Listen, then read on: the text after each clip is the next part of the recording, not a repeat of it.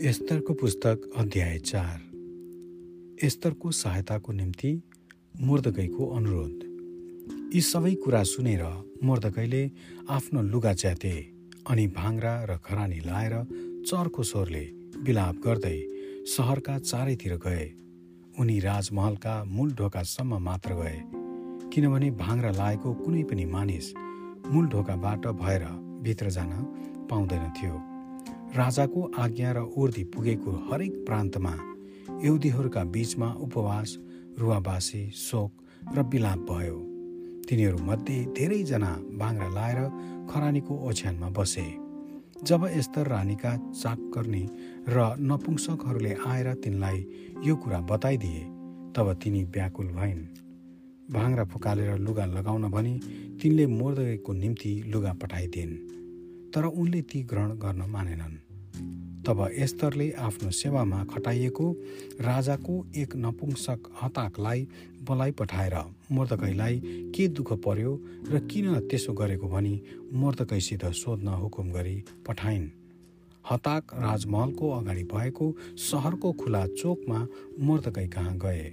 मोर्दकैले आफूलाई के कसो भएको छ ती सबै कुरा र हामानले यहुदीहरूलाई नाश गर्नका निम्ति कति पैसा राजकोषमा दिएको छ सो पनि हताकलाई बताइदिए। र मोर्दकैले त्यस विषयमा एस्तरलाई भनिदिन् र राजा कहाँ गएर निगाह प्राप्त गरेर आफ्नो जातिको निम्ति बिन्ती चढाउन भनी अनुरोध गरी सुसनमा तिनीहरूको सत्यानाशको लागि निकालिएको राजाज्ञाको एउटा नक्कल पनि एस्तरलाई देखाउन भनी पठाइदिए। हताकले एस्तर कहाँ गएर मोदककै भनेका कुरा बताइदिए अनि तिनले हताकद्वारा फेरि त्यो समाचार दिएर पठाइन्।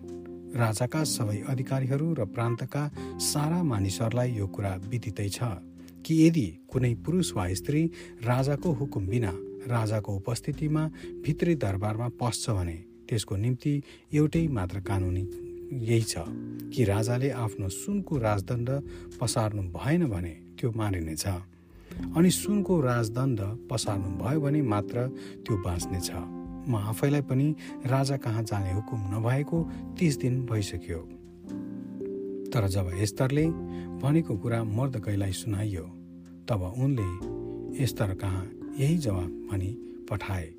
यो नसोच कि तिमी राजमहलमा भएकीले सबै यहुदीहरूमध्ये तिमी मात्रै बाँच्नेछौ यस्तो बेलामा पनि तिमी चुपै लागि बस्यो भने यहुदीहरूका निम्ति सहायता र छुटकारा अरूद्वारै आउनेछ तर तिमी र तिम्रा पिताको घरना चाहिँ नष्ट हुनेछन् सायद यस्तै समयको निम्ति नै तिमी त्यो राजपदमा पुगेकी हो कि? तब एस्तरले मर्दकै कहाँ यस्तो जवाब पठाइन्? गएर सुसनमा भेटाएका जति सबै यहुदीहरूलाई मेरो निम्ति उपवास बस्न भेला गर्नुहोस्। तिन दिन र तिन रातसम्म नखा न त खानेकुरा खानुहोस् न पानी पिउनुहोस्। म र मेरा चाकर्नेहरू पनि तपाईँहरू जस्तै उपवास बस्नेछौँ। त्यसपछि कानुनको विरुद्धै भए पनि म राजा कहाँ जानेछु? यदि मेरो नाश हुन्छ भने पनि होस्। तब मर्दकै गइहाले र यस्तरले हुकुम गरे अनुसार नै गरे। Amén.